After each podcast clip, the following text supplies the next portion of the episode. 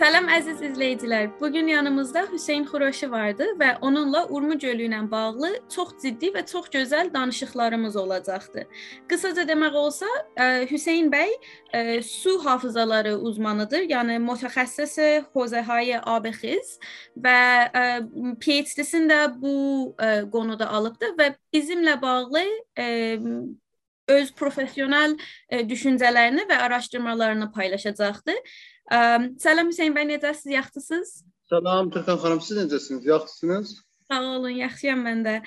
E, başlamamışdan qabaq əgər eləyə bilsəz bizə Urmu gölü ilə bağlı biraz bilgi verin. E, bilirik ki, Urmu gölü Urmu ilə Təbriz arasındadır, amma e, nə cür bir göldür və bu gölün o birisi göllərdən fərqləri nədir? Ya ilk başda bütün dinləyicilərinizə salam ərz edirəm. Urmu gölü dedi Deyimdə biz sadəcə gölü bilirik. Urmu gölündən qabaq əgər Urmiya gölü su havzasını deyərsəksə e, daha yaxşı olar. Urmu gölü çünki bir dənə bir Urmu gölü yəni Urmiya su havzasının içərisində yer alan bir göldür. Yəni o toplam havzanın, yəni su havzasının e, e, 52 bin kilometr mürəbbə. Hətta indi hər kəsə deyəndə ki, deyəcəklər ki, Sabalanla Urmiya gölünün nə dəxli var? Urmiya gölünün suyunun, su havzasının bir bölümü Savalanın 3800 metrdən başlar, ta axar gələr. Çünki hozə dediyimiz nədir? Hozə e, bəlli bir dağlardan suyun axıb, bəlli bir cəhətə gedib bir yerdə toplanmasına bir su hozəsidir. Bu su hozəsindəki bu 52 bin kilometr mürəbbənin içərisindən toplanan suyun durma noxtası gedib dayandığı yer haradır? Urmu gölüdür və orada da bir göl ondan dolayıdır ki bir, bir göl vardır. Və dediyiniz kimi təbii Urmu göl öz mövqeyiyyəti olaraq, öz mövqeyiyyəti olaraq Urmiyanın yanında və Təbrizə ilə Urmiyanın arasında yer tapıbdı. Urmu gölün özünün ə, e, yaxlaşıq yəni, yəni 5 il 5500 ilə 6000 kilometr yüz ölçümü, yəni məsahəti vardır. Niyə deyirik? Hətta deyə bilirik 5000 ta 6000.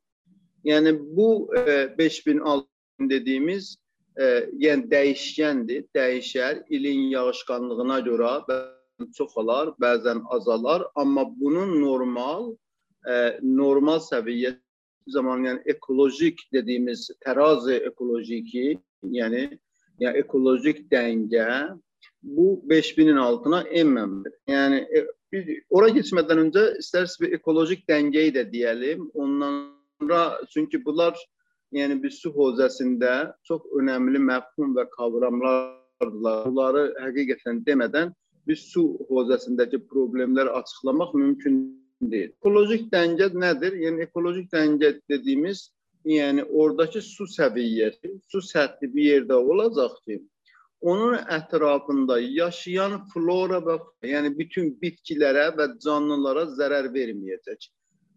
Yəni optimal deyil. Amma yəni ondan aşağı getməməsi lazım. Bu yəni indi gölünün haqqında yəni e, bu qədər e, başqa sorular var. Ona görə e, mən cavab verdim. Tamam, əla. Çox təşəkkürlər bu bilgilər üçün və bu ə, ekosistem fərqliliklərindən də danışmağınız yaxşı oldu. Um, İndi hamının bildiyi təkin Urmu gölü qurur. Bunu ə, e, danmaq mümkün deyil. Ancaq hər hər başdan bir səs çıxır. Biri deyir ki, iqlim dəyişikliyidir, biri deyir çox quyu vurublar, biri deyir nəm çevrə ırqçılığı və çevrə terrorizmin ə, e, sonucudur, biri deyir idarə problemləridir. Amma bu ə, e, sizin təxəssüsünüz və ə, sizin ə, professional olduğunuz bir alan olduğu üçün sizə və ara araşdırmalar bizə nə deyir? Niyə bu Urmu gölü qurur? E, xidmətçi deyim, indi e, açıqcasına çox acıdır bunu demək. Bir dənə e, özəlliklə mənim ki, özüm deyirəm, çox acıdır. Yəni artıq e, Urmiya gölündən danışmaq, Urmu gölü demək bəncə yəni nə qədər e, doğrudur bilmiyorum. Çünki bir göl yoxdur. Yəni gölün yüzdə quruyub aradan gedib. Yəni düşünün bir insanın %90 qabiliyyətini əldən verdik etdikdən sonra nə qədər insan deyə bilərsənsə, gölə də o qədər göl deyə bilirsən. Yəni amma quruma səbəblərinə gələlim. Quruma səbəblərinin tamamen xətayı insan, yəni tamamen e, bu İngilizce dediğimiz mismanagement, müdiriyyətin olmaması. Yəni bunu bunu hər kəs deyir. Yəni bu tək bütün karşınaşlar ağzını açında açanda dedilər ki, buradakı xətayı insan. Çünki niyə? Biz suhulunda hər iş görəcəksənsə, hər iş görəcəksənsə, oradakı buna e, türkçədə tüncəl havza baxışı ya negah cami bi hozey abxiz deyirlər. Yəni buradakı insanı, əkini, heyvanı, dağdakı dovşanını, bitkisini, hər şeyini nəzərdə alıb proqramını ona görə eləyəcəksən. Yəni hətta onun heç birisini belə, yəni deyəlim ki, o dağın dağında hər yerində bir çalılıq var, o çalılığı da yadından çıxartmayacaqsan. Bütün ögələrini, bütün itemlarını qoyub qabağına planlama dökəcəksən. Buradakı planlama, yəni əgər nə qədər planlama deyə bilirik ona da, planlama deyə bir şey yoxdur. Adamlar rastgele gəliblər, axan suların qanı tutublar. Yəni siz düşünə bilirmisiniz? Su gölə gedən, gölə, bunu kimsə də danamaz. Gölə gedən bütün bütün çayların hamısının qabağında sədd vardır. Hamısının qabağında səddlər vurublardı. Yəni e, gölə gedən su yoxdur. Gölün quruma səbəbi nə olacaq ki? Yəni gölün əndisi bəziləri deyirlər ki, iqlim. İqlimin payı ola bilər. Hər zaman iqlimin bir payı vardı, amma iqlimin payı %5, %6, ən fazla %10 ola bilər. Sizə məsələn iqlimin ə, e, payından nə deyim? Son Miami Üniversitesində bir araşdırma var, Urmiya gölünün içərisində. Sanırım bir üç ay bundan öncə yayınladılar. E, iki dənə də İranlıdır yayın şey yayınlayanları. Urmiye Gölü'nün su havzasının, su havzasının ortalama 340 milimetre yani mütevessiti bildiğim sağlana barəmisi var. Niye deyik mütevessiti? Zabda bəzi yerlərində 500 milimetre, bəzi yerində 220 milimetredir, bəzi yerində 400 milimetredir. Ortalama 340 ta 360 diyelim şey e, yağışı var. Adamlar hesaplayıblar, yani bir dönem Urumiye'nin ortalama yağışı 180 milimetre enip Urmiya gölünün suyu yenə azalmayıb. Yəni görürsüz, iqlimin o qədər iqlimin təsiri olsa belə, yəni vardı, əlbəttə vardı, amma %10 yəni keçməz. Yəni o da nə nə cür olar təsirini qoymaz. Biz də dedik gölün 100 ölçümü, yəni məsafəti 5000 ilə 6000. 2 sənə 6000-də durar, quraqlıq olar, enər 5500-ə, gələcəksən yenə yağışqanlıq olar, yenə qalxar yuxarı. Yəni özü o dəngini qorur, doğa doğa hər zaman dəngəsini qorur. İşte tamamen e, yani müdaxilə insandır, insani müdaxilədir. İnsan yəni bir başında nə yazıq ki, bir e, müdiriyyət olub, yəni mən ben bəzən düşünürəm ki, bu işlər orada görənlərin heç Hoze Afrizdən heç nə bilməymişlər. Sadəcə suyun ağzını necə qab qabatıb sədd vurarıq onu bilirlər. Yəni Hüseyn mən mən, mən ə, e, maraqlanıram bu səd vurmağın ordakı insanlara, orada yaşayan millətə və ya doğaya, ekosistemə faydası varmı? Ya bir bələn səd vurub tamam düzdür, bizə elektrisiti verir və fərqli ə, e, qaynaqları qoya bilər, amma indi yüzlərcə sədlər vurulubdu, bəndlər vurulubdu Urmu gölünə. Bunların bu faydalı mı, yoxsa sadəcə e, siz deyən təkin bilmədikləri üçünmü qoyublar?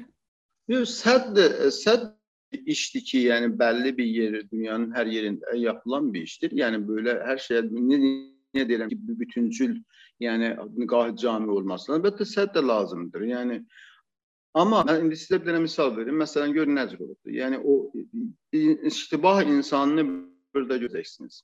İndi e, Urmiya gölündə bu sədlər vurulmaq vurulmadan öncə yaxlaşıq e, yəni məhsulatı bağı zirainin şeyi 300 min hektar, 350 bin hektar. Sədlər vurulduqdan sonra çıxıb e, 750-800 bin hektara. İndi deyil, ya o zamanı deyirəm.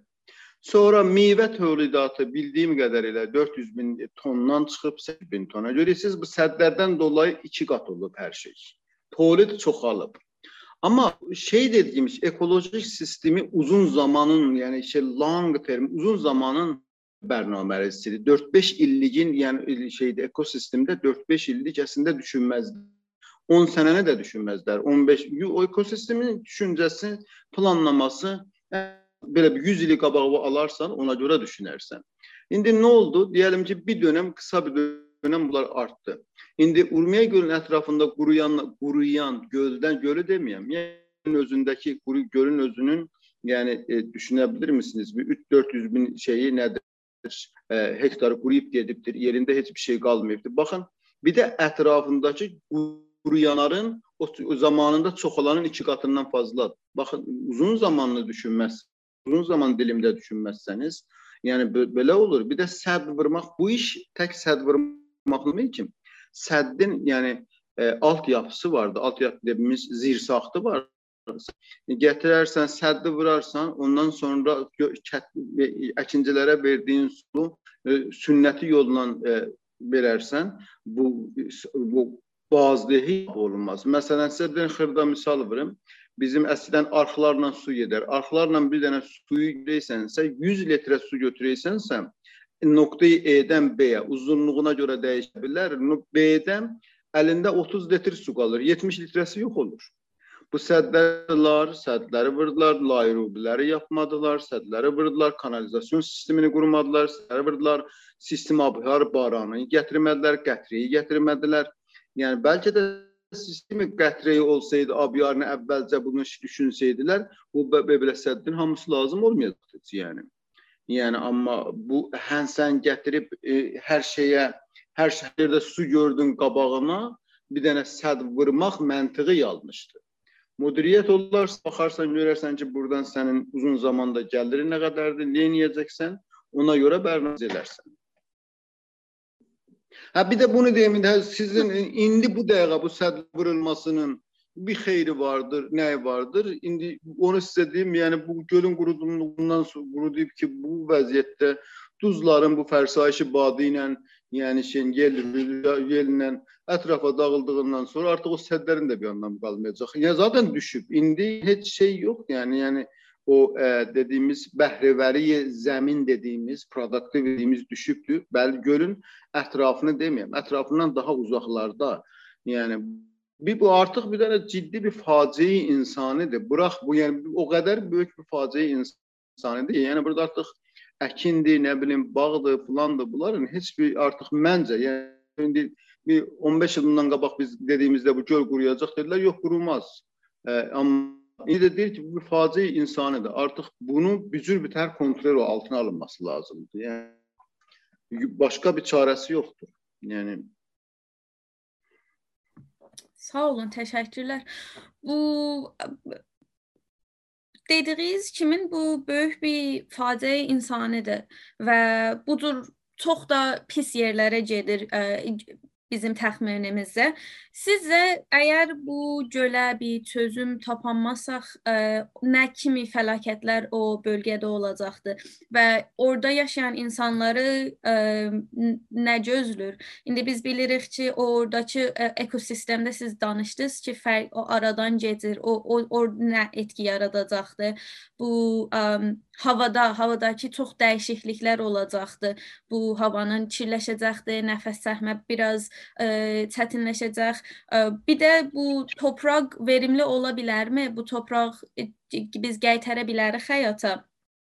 Ə, bununla bağlı nə düşünürsüz? Şimdi üç bunu üç yerə ə, istərsən bölüb öyle bir-bir cavab verəlim. Gələm gələlim ki, bu faciə insanı dedik nə qədərdir? Faciə insanın böyüklüyünə. Dünən bir dünən ittifaqa bir şey oxudum. 14 bir də İranın məhsullarından deyirəm bunu. Yəni İranın dövlətində bu xidmət edən məhsulların ağzından çıxan şeydir. Yəni onlar bunu az göstərməyə diqqət edirlər etkisini. 14 milyon insanın bundan etkilənəcəyi söyləyir. 14 milyon insan. Amma etkilənmə yolunu deməyin, nə cür etkilənir?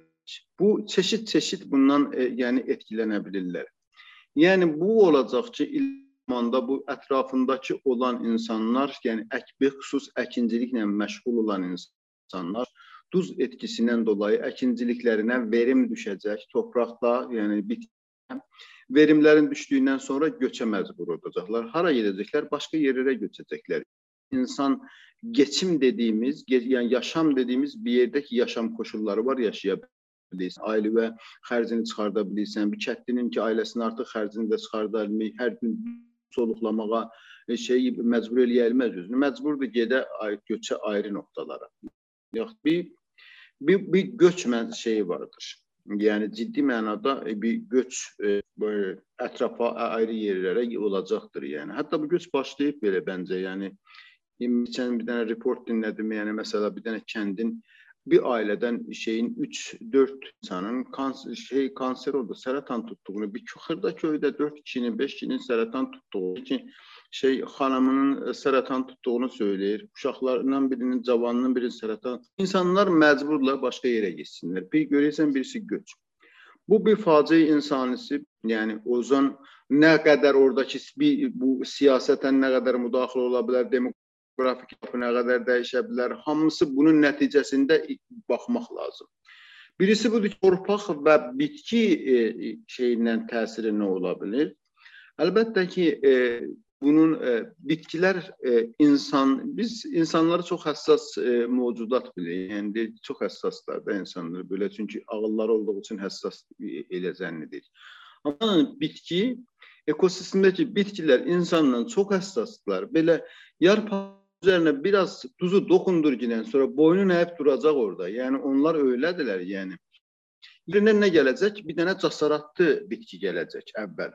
Çünki bu şey mənabə təbiidə bitkiləri bölərlər. Birinci dərəcə, ikinci dərəcə, üçüncü dərəcə. Birinci dərəcə bitkilər ən yaxşı bitkilərdirlər. Yəni ə, bu ə, necə deyim sizə bu insanlardan luxury həyat yaşayanlar kimi belə daha iyi yerlər, daha yağış, ən az ən kiçik fışarla o insanlarda necə onda mən onlar o insanlar çox tez etkilənərlər. Luxury həyat yaşayanlar həmən etkilənir olarlar. Yerini ikinci dərəcəli alar. Üçüncü dərə ən sonunda üçüncü dərəcəli də dayana bilməz. Bu qədər həssas bir şeydir ekosistem. Onun üçün əlbəttə ki, bitkilərə ehtiyac olacaq. Bitkilər duz həssasiyyəti var, bitkilərin e, su həssasiyyəti vardır. Onun üçün liy düşəcək zaman içərisində, zaman içərisində bir sənədə həmən olmayıb, ekosistemdə işlər xarab olanda da 50 sənə xaddan içərisində xarab olur, 50 sənədən sonra biz görürük xarablıq başladığında indi fərq eləməyik, 50 sənə sonra görək. Ekosistem belədir. Düzəsi də bu qədər sürə ilə. Onun üçün əlbəttə ki, onun e, bizim e, sağlıqçılar baxmaq lazım. Duz mən bitki açısından deyə bilirəm, amma duz və solunum hastaları məncə artacaq. Uzmanlar bunu deyirlər, yəni sağlıq uzmanları deyirlər. Mən sağlıq uzmanı olmadığım üçün e, şey etmək istəmirəm, amma mütməinnəm ki, e, yəni etkiləri e, olacaq yəni. Yəni kan kanser olacaq, sağlıq xəstəlikləri olacaq. Yəni bunları da e, sağlıq bədən bunu da o sağlıq tazəcə şey e, ekosistem bilimciləri deyil. Sağlıq bilimciləri toplanıb duzun oradakı duzu analiz etməmləri lazım. Bir duz dediyimizdə duzun da içindəki kimyasal maddələr farklı. Analiz edib onun solunum və sağlıq üstündə e, şeylərini, etkilərini e, yapmaları lazım. Amma e, yəni bir sürü hasta gətirəcəyi, yəni bu bir genel bir bakış, hər kəsin yəni təxmin etdiyi və bildiyi bir şey. Gələr çözümünə. Çözümü biraz həqiqətən çox bir iş. Yəni hər kəs bəklərsə çözümünü 2 ildə bu işi çözəriksə, yəni böyle böyle bir şey olacağını e, mən təxmin etmirəm. Böyle bir şey də yox yəni. Çünki, çünki ekosistem dediyim gibi 50 sənə çəkibsə xarab olursa, 50 sənədə çəki düzəltmə. İndi e, bunu həmən bitirim. E, e, şey e, bu hər kəsin başa düşəcəyi şeydə eko, biz dedik ya e, şey təraz ekolojik. Şu təraz ekolojikdə yaxınlaşıq o yəni ortalama Türkiyə şəhər dün şəhər nədir? Gölə bir 29-30 milyard kəb su lazım. Yəni bilirsən nə cürdür? Bunu hər kəs Yəni 30 dənə bir qara qutunu düşünün. 1 kilometrə uzunluğu, 1 kilometrə eni, 1 kilometrəliyi 30 dənə bu qutudan içi dolu su lazım bizə. Bu su ətrafda yox. Bugün bütün sədləri açsaq belə e, bir şey. Çünki bu dəqiqə göl 2 milyar metr mükəb su qalır. Aradakı fərqi görürsünüz nə qədərdir. 27 milyar metr mükəb orada su yox yəni. 28 kimi bir rəqəm. Yəni bilə təsəvvür eləyin də qutunu təsəvvür eləyin. Bir qutu qoyun qabağınıza xəyalınızda ondan nə qədərdir, yəni bir kilometrəni yeriyirsən, qutara bilmirsən. Onu bir də belə yeri, bir də üstə yeri. Bax. Hə nə olur? E, yəni bunu yavaş-yavaş həqiqətən, yəni yavaş-yavaş e, nə edirlər? E, bu layrubilər yapılması lazım. Çünki yağan suyun, yağış suların, yağan dərələrdən qışın axan suların çoxu gedib e, şeyə gölə ulaşmır. Buraxsalar belə ulaşmır. Çünki e, tək göl xarab olmayıb ki, bütün ekosistem xarab olub. Yəni bir bir dənə rudxananı bir dənə təmizləməyiblər. Bu əvaxırda bir şeylər, bir işlər görüblər. Mən təqib edirəm, bir 80 kilometrə falan belə bir layrubiləri planları vardır. E, sonra e, bir Zab çayından su gətirməyə çalışırlar. Zabından su gətirir. Sözdə e, bu e, sözdə bu e, şey keçən aylarda falan da iftitah olacaqdı. Mütəəssifanə deyirlər paramız yoxdur. Baxın, paramız yoxdur deyirlər. Saxladılar bəhmənə. Yəni bunu deyən hər halda ekolojik oradakı insanını düşünə bilmir. Yəni sənin həyatından pahalı bir şey mi var? İnsanların həyatından pahalı bir şey var. O bir çarə mi? O da bir çarə deyil. Çünki onun illik gölünə izafə su verəcəyi 600 milyon e, metr mükəb. Fəna deyil. Amma ən azından suyu axıtacaqlar, payını verəcəklər. Bu bir dənə həqqabə var. Həqqabə dediyimiz bütün nə iş görürsənsə gölün payı. Mənim payım harda? Gölün payı verəcəklər. Zaman zaman e, oradakı bir də tamamen keşavərzi dediyimiz əkincilik kalçırını dəyişdirəcəklər. Bütünüyle dəyişdirəcəklər. Yəni bir sürü dünyada yöntemlər çıxıbdı. Yəni artıq yəni torpaq kullanmadan, torpaq istifadə etmədən bitir yəni. Bu yəni deməli söz əslində yoxdur. Adam ağlamalı bir biz burada durumdayıq. Yəni elə Türkiyənin özündə ya fərqli ölkələrdə biz görürük ki, e, sünni ya fake sahillər, göllər yaradırlar. Məsələn, olmayan yerlərdə Dubayda vardı ya Eskişehirdə yaradıblar bu cür e, e, torpaq su gətirirlər ki, bu cür bir yer yaradılar. Biz əlimizdə zaten olan yerin dəyərini bilib bunu e, qorumuruq, saxlamırıq. Bu dediyiniz yolların başlaya bilsək eləməyə, yəni su gətirə bilsək də, o sizin dediyiniz orada əkinçilik kültürü dəyişəcəkdir, orada e, nə insanların özləri dəyişəcək, həyat dəyişəcəkdir.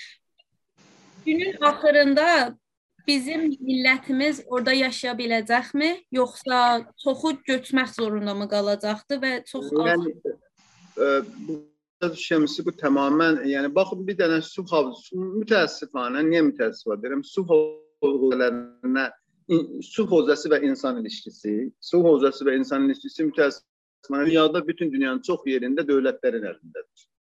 Yəni çünki o bir major bir proqram olduğu üçün dövlətlər təsmin edirlər ki, nə etsinlər, nə etsinlər. Belə. Şimdi hətta İran 45-ci və 50-ci anayasa maddəsi, anayasa maddəsi də şeydir, yəni e, dövləti bunların maliki bilir və anayasada dövləti sorumlu tutur ki, yəni şey e, bunları qorumaqla gələcək nəslə axtarmaqla dövlət sorumludur. İranın qanun ananın qanun əsasına görə. Və təzədən qanun əsasına çünki milkin dövlət sahibi də dövlət olsun, fərdlərin fərdlərin dövlətə şikayət etmə haqqı yoxdur. Çünki milk onundur. Baxın bir komplikasiya bir şeydir də. Onun üçün e, bizim insanların burada yaşaya bilməsi təzədən necə bu gölün e, bir quruma aşaması vardı. Duzun daşınmasının da aşamaları vardı. Yəni fərsayiş dediyimizdə həmən bir gündə olmur. Yəni bizim bu bildiyimiz topraklar, istifadə etdiyimiz zirai toprakların çoxu fərsayişlə oluşan topraklar. Zaman düşünə bilirsiniz, zaman içərisində aşınır, aşınır olur. Onun üçün indidən əgər bunun gölün suyunu düzəltmə projelərinin yanı sıra o duzu orada, yəni ortaya çıxan, çıxan duzu e, e, təsbit etmələri lazım, stabilize etmələri lazım, qorumaları lazım, daşınmasının qabağını almaları lazım. Dünyada bunun yöntəmləri var, necə yapırlar, onları gedib adamlar göndərməlidirlər. Gedib yaxından görməlidirlər, araşdırmalıdırlar. Yöntəmləri var dünyada.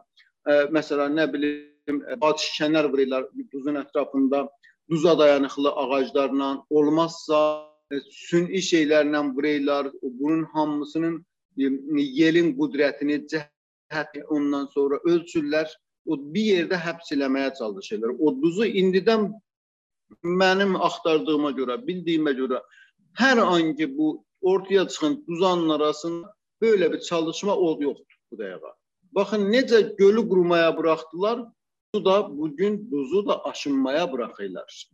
Yəni hə böyle gedərsə sən deyirsən onun insanlarımızın yaşayacaq üçün e, ben ne yazık ki insanımız deyir doğadaki hayvanlar belə yaşam yaşayamayacaq orada yani. Yani bu bir gerçektir yani. Bakın 13 milyar şey metrim o kadar milyar ton duz 600 kilometre bir alanı etkileyecek. Tek göl değil ki 600 kilometre. Ben e, Virginia'dan şeye geldiğimde e, ne dedim Toronto'ya geldiğimde sanırım 600 mile idi. Düşünebilir misiniz? Yani o kadar bir yeri geldi. Yel hara gidecekse özünden duzu da götürecek. Bu mənim yazdığım suallar içində deyil idi. Ancaq duzu ilə e, bir şey eləmək olar. Məsələn, duzu bir e, bir ə, e, nə deyirlər, bir ə, bir resource halinə gətirmək olar. Məsələn, duzu satasan ya duzu ə, bir şeylər yaradasan ya fərqli yollarla işlədib o duzu bir mənbə halinə gətirmək mümkündür. Valla eskiden de yani Urmiye etrafında bir şeyde duz, bir, duz insanlar duz söyledilerdiler. Yani şeydir onun da yani belli bir şeyler var. Bu duzlardan oradan çok bir, o kadar şey bilgim yok ama her ben çok eski zamanda araştırma için Urmiye gidende böyle duz e, şeyleri görerdim. Ondan çok o kadar şeyim yok ama elbette duz sanayilerde falanlarda istifadeli olurlar bazı yerlerde ama ne kadar şey olursa yani oradaki duzun kalitesi nedir, keyfiyyəti nədir, oradakı ehtiyac nədir? Onları biraz yəni uzmanları hər halda e, yəni olması lazım. Amma tək e, benim buraya kadar yani mesela dünyadaki tuzlu göllerin yani tuz, kuruyan tuzlardan e, yani bir şeyler şeylesinler e, bir, bir bilim yok. Yani ama bir de şimdi siz dersen ne niyebilirdiler? Şeydə e, Urmu gölü çox nadir tuz göllərindəndir ki, içərisində canlı vardı. Artemia diye bir tane bir şey vardır onun içerisinde böyle şeydir. Proteinden de aslında protein merkezidir. Bunu dünya neye verirler? Bu akvaryumdaki yapılanlara, çok değerli balıklara falanlara düzenli protein elde verirler. Şu anda Brezilya'da onun çalışmaları vardır. E, şimdi bilirsiniz e, bir, bir kilo yani eski bir rakamdı. Yine elbette bahalaşırdı. 28 dolar falan. Yani Urmiye Gölü'nü göl saxlasaydılar, eğer onun sənayiləşdirə bilsəydi, devlətin işidir. Sənayiləşdirə bilib ya verib şəxsi şirkətlərə sənayiləşdirə bilsəydilər ki, sizə bir söz verir, ondan gəlir, illik gəlir, ətrafındakı keşavərdən gəliri yaxlaşıq 4-5 milyar dolar il, ildə oradan gəlir sağlaya bilər. Onu görməyən gəlib sizcə bu gün, yəni əlində qaynaq olan, olan, gölün içərisindəkindən bir qaynaqdan illik 4-5 milyar dollarlıq gəlir sağlaya biləcək birisi gəlir. Duzdan e, düşünürmü duzda duzu nədir istifadə edə bilirəm sənayesində nəyində planda ondan ben ben düşünmüyorum yani yapacağını da yapmazdı yani. Çok... Aslında o ayrı bir bəhsdir, iqtisadi bəhsdir ki, yəni həqiqətən böyük bir iqtisadi bəhsi orada şey e, Urmu gölünün e, muhitistlər tərəfdarları da çünki bir şey olduğu pek üstdən durmadıkları amma ciddi mənada bir dünyada dünyada e, bu e, dekoratif şeyler geliştiği için mesela ihtiyacın arttığı için yani dünyadaki akvaryum sayısı ben bilmiyorum ama yani şimdi yani artık modern şeydir bir gerçektir. Odur ki yani əldən getdi o da mütəəssifən.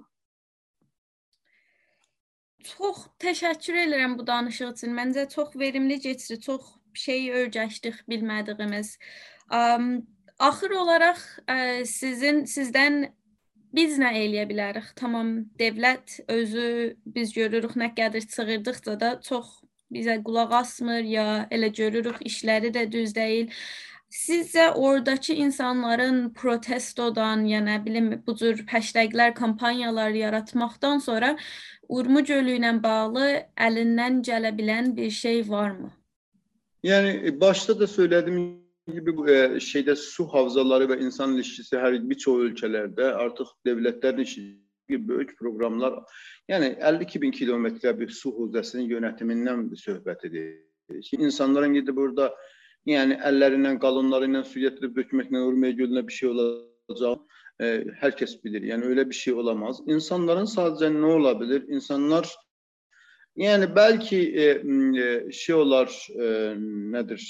E, nə deyirik farsçada profit organization, e, yəni şey e, qeyri-intifai kimi belə qeyri təşkilat qurub, e, yəni oradakı madam dövlət eləmək, oradakı əkinçilik kulturunu dəyişdirib, oradakı Azərbaycanlılar şirkətlər qurub, məsələ bu, bu da dövlət işidir gəlir, amma eləyə bilərlər ki, məsələ şeydə dünyada gəlişdirilən şeylər vardı, hidroponik sistem çıxıbdı. Çoxdandır gerçi, yəni hidroponik sistemdə nə edirsən? Bir dənə gülxana qurursan, torpağın oradan sadəcə suyun içinə məvadda vurursan, su dolaşır. Yəni e, şey sənə e, yerindən nə qədər məhsul alırdın, bir dənə gülxana hamısını verir sənə. Yəni çox rahat belə. Təbii xəzinəli işdirlər, bunlar bərq istəyirlər, bunlar pul istəyirlər, bunları bəlkə bu əkinciləri biraz əkindən uzaqlaşdır. Əkinci əkincilər zaten bir, bir ara sonra əkəməyəcəklər. Yəni məcburlar bir başqa bir iş görsünlər. Yəni bu ola bilər. Bir də ki, yəni bu artıq insan dövlət ilişkisidir. Yəni bir insani haqq olaraq, bir haqqı olaraq dövlətə demək ki, qardaşım 45-ci, 50-ci anayasanı yerinə yetirginəm. Biz səndən Urmiya gölü istəməyik. Anayasa nə deyirsə onu mənə yer verin. Artıq bu anayasa mənim deyil ki, anayasanı da sən yazdın. Yəni yazdığında da mənim xəbərim olmadı. Yerin bugünkü yaşayan məsələn sizin kimi bir nəsil anayasanın yazıldığında xəbəri yoxdur. Mən anayasa yazdığında nə bilim heç mədrəsəyə getmirdim. Şimdi bunu gətirib e, şeyinin gətirib o asanın zorlayacaqsan dövləti bu anayasanı şey eləsin nədir? E, icra eləsin, bu gölü qurtarsın. Gölün qurtarması da yenə deyirəm ki, yəni bir sürü iş müdaxildir. Yəni uzun bir zaman lazımdır. Amma heç olmasa zamanı başlasınlar. Bitirmədən məsələn bunu deyim, yalandan zaman verməsinlər. 1900 e, şeydə e, 1393 ya 94-də miladi illərlə qırdığım üçün gətirdilər bir dənə Ruh Nicatı Urumiyyə nə bilim belə bir şey qurdular. Güya 2003-də Ağay Kəlantəri də rəis idi. Bu güya 2023-də öz verdikləri plan, Danışqa Sənəti Şərif hazırladı Tehranın şeyin planını. 2023-də ümumiyə tərazi ekolojiyaya çatacaqdır. Bugün 2022 ortada dayıca da azaldı. Yani 6 aydan sonra 2023. Yani bu, bu, bu yoksa insanların bence ben düşünüyorum. İnsanların yani öyle e, praktik olarak yapacak bir işleri yok. Sadece o de, şey e, devlet ve yönetim insan ilişkisini kullanıp devletlerinden yani yapılanı yapmasını isteyecekler. Çok Əslində bir sual daha soruşum. Bu gənə mən öz maraqlandığım suallardan biridir. Urmu Gölü oraya e, solar panel qoysaq, oradan bir e, enerji almaq olar ya onu istifadə eləmək mümkün olar sizə ya, ya verimli bir yol olar. Yani bütün kuruyan bölgelere solar koyup e, şeydir. Elbette yani çok bilirsiniz nedir? Bir bakıma e, hareket insanı ki değiller şeydir. E, budur. Yani hmm, bu e, bugün bir tane sizin e, bu yer bilim uzmanları okyanusun altında delikler buldular. Böyle delik, delik delik böyle münezzem şekilde delinmiş. Facebook'tan yardım istediler insanlardan ki görüşüz nedir? Normal memur insanlardır. Ne düşünüyorsunuz bunun hakkında? Bak odur ki yani muş hareket insanı dediğimizde bu yani ben de bilmediğim şey elbette ki yani oranın güneşini ölçmen nə qədər illik günəşi var, bir panelin nə qədər şey edərsə, yəni o bölən yerləri bəlkə kapondan kapadı, belə duzun aşınmasının da önü alınır. E, bəlkə bir enerji, əlbəttə ki, panellərdən enerji ürətilir. Amma panel dediyimizdə, yəni qış yazın nə qədər günəş aldığı önəmli bir ünsurdur. Yəni panellərdə əsas ünsur güneş olduğu için yani onun da hazinelerini güneşin olduğu zaman ne kadar dağını falan hesaplamaları lazım. Yani e, fikir olarak bakmaları lazım yani. Çox təşəkkür edirəm Hüseyn bəy hər şey üçün. Çox verimli bir danışıq oldu. Bir çox qonu haqqında danışdıq Urmu gölünün e, özü haqqında, səbəbləri, sonucları, bizim eləyəcəyimiz işlər haqqında. Bizi etek yazı üçün ayırdığınız zaman üçün mən çox təşəkkür edirəm bu vaxt üçün. Bizim seyircilərimizə xudafizləşməmişdən qabaq axır deyə bilə demək istədiyiniz bir şey varmı? Ben de bütün her size çok teşekkür ederim ederim yani bu yayını yaptığınız için. Sadece e,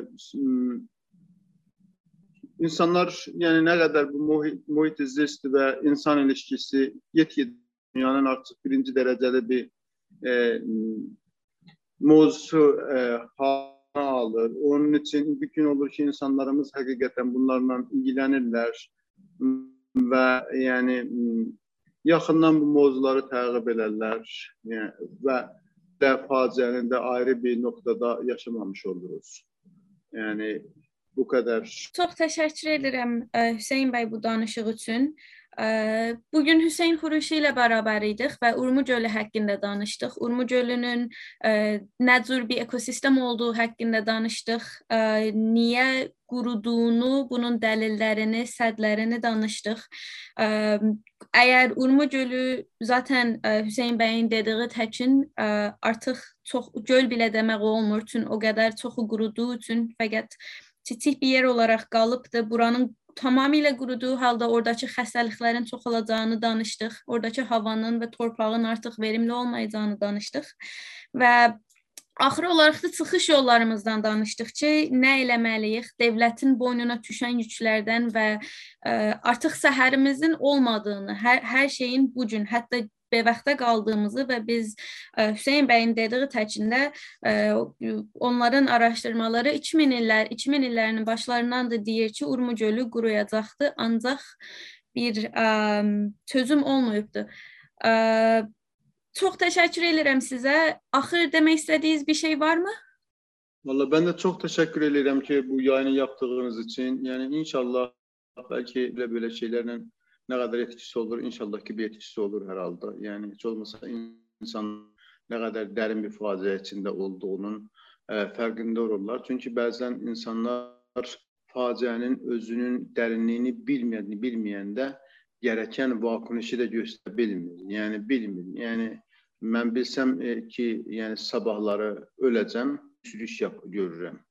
Ama desem ki 70 yıl ömrüm var, e göreceğim. Yani size de teşekkür ederim. Çok sağ olun. Ondan sonra görüşmek üzere.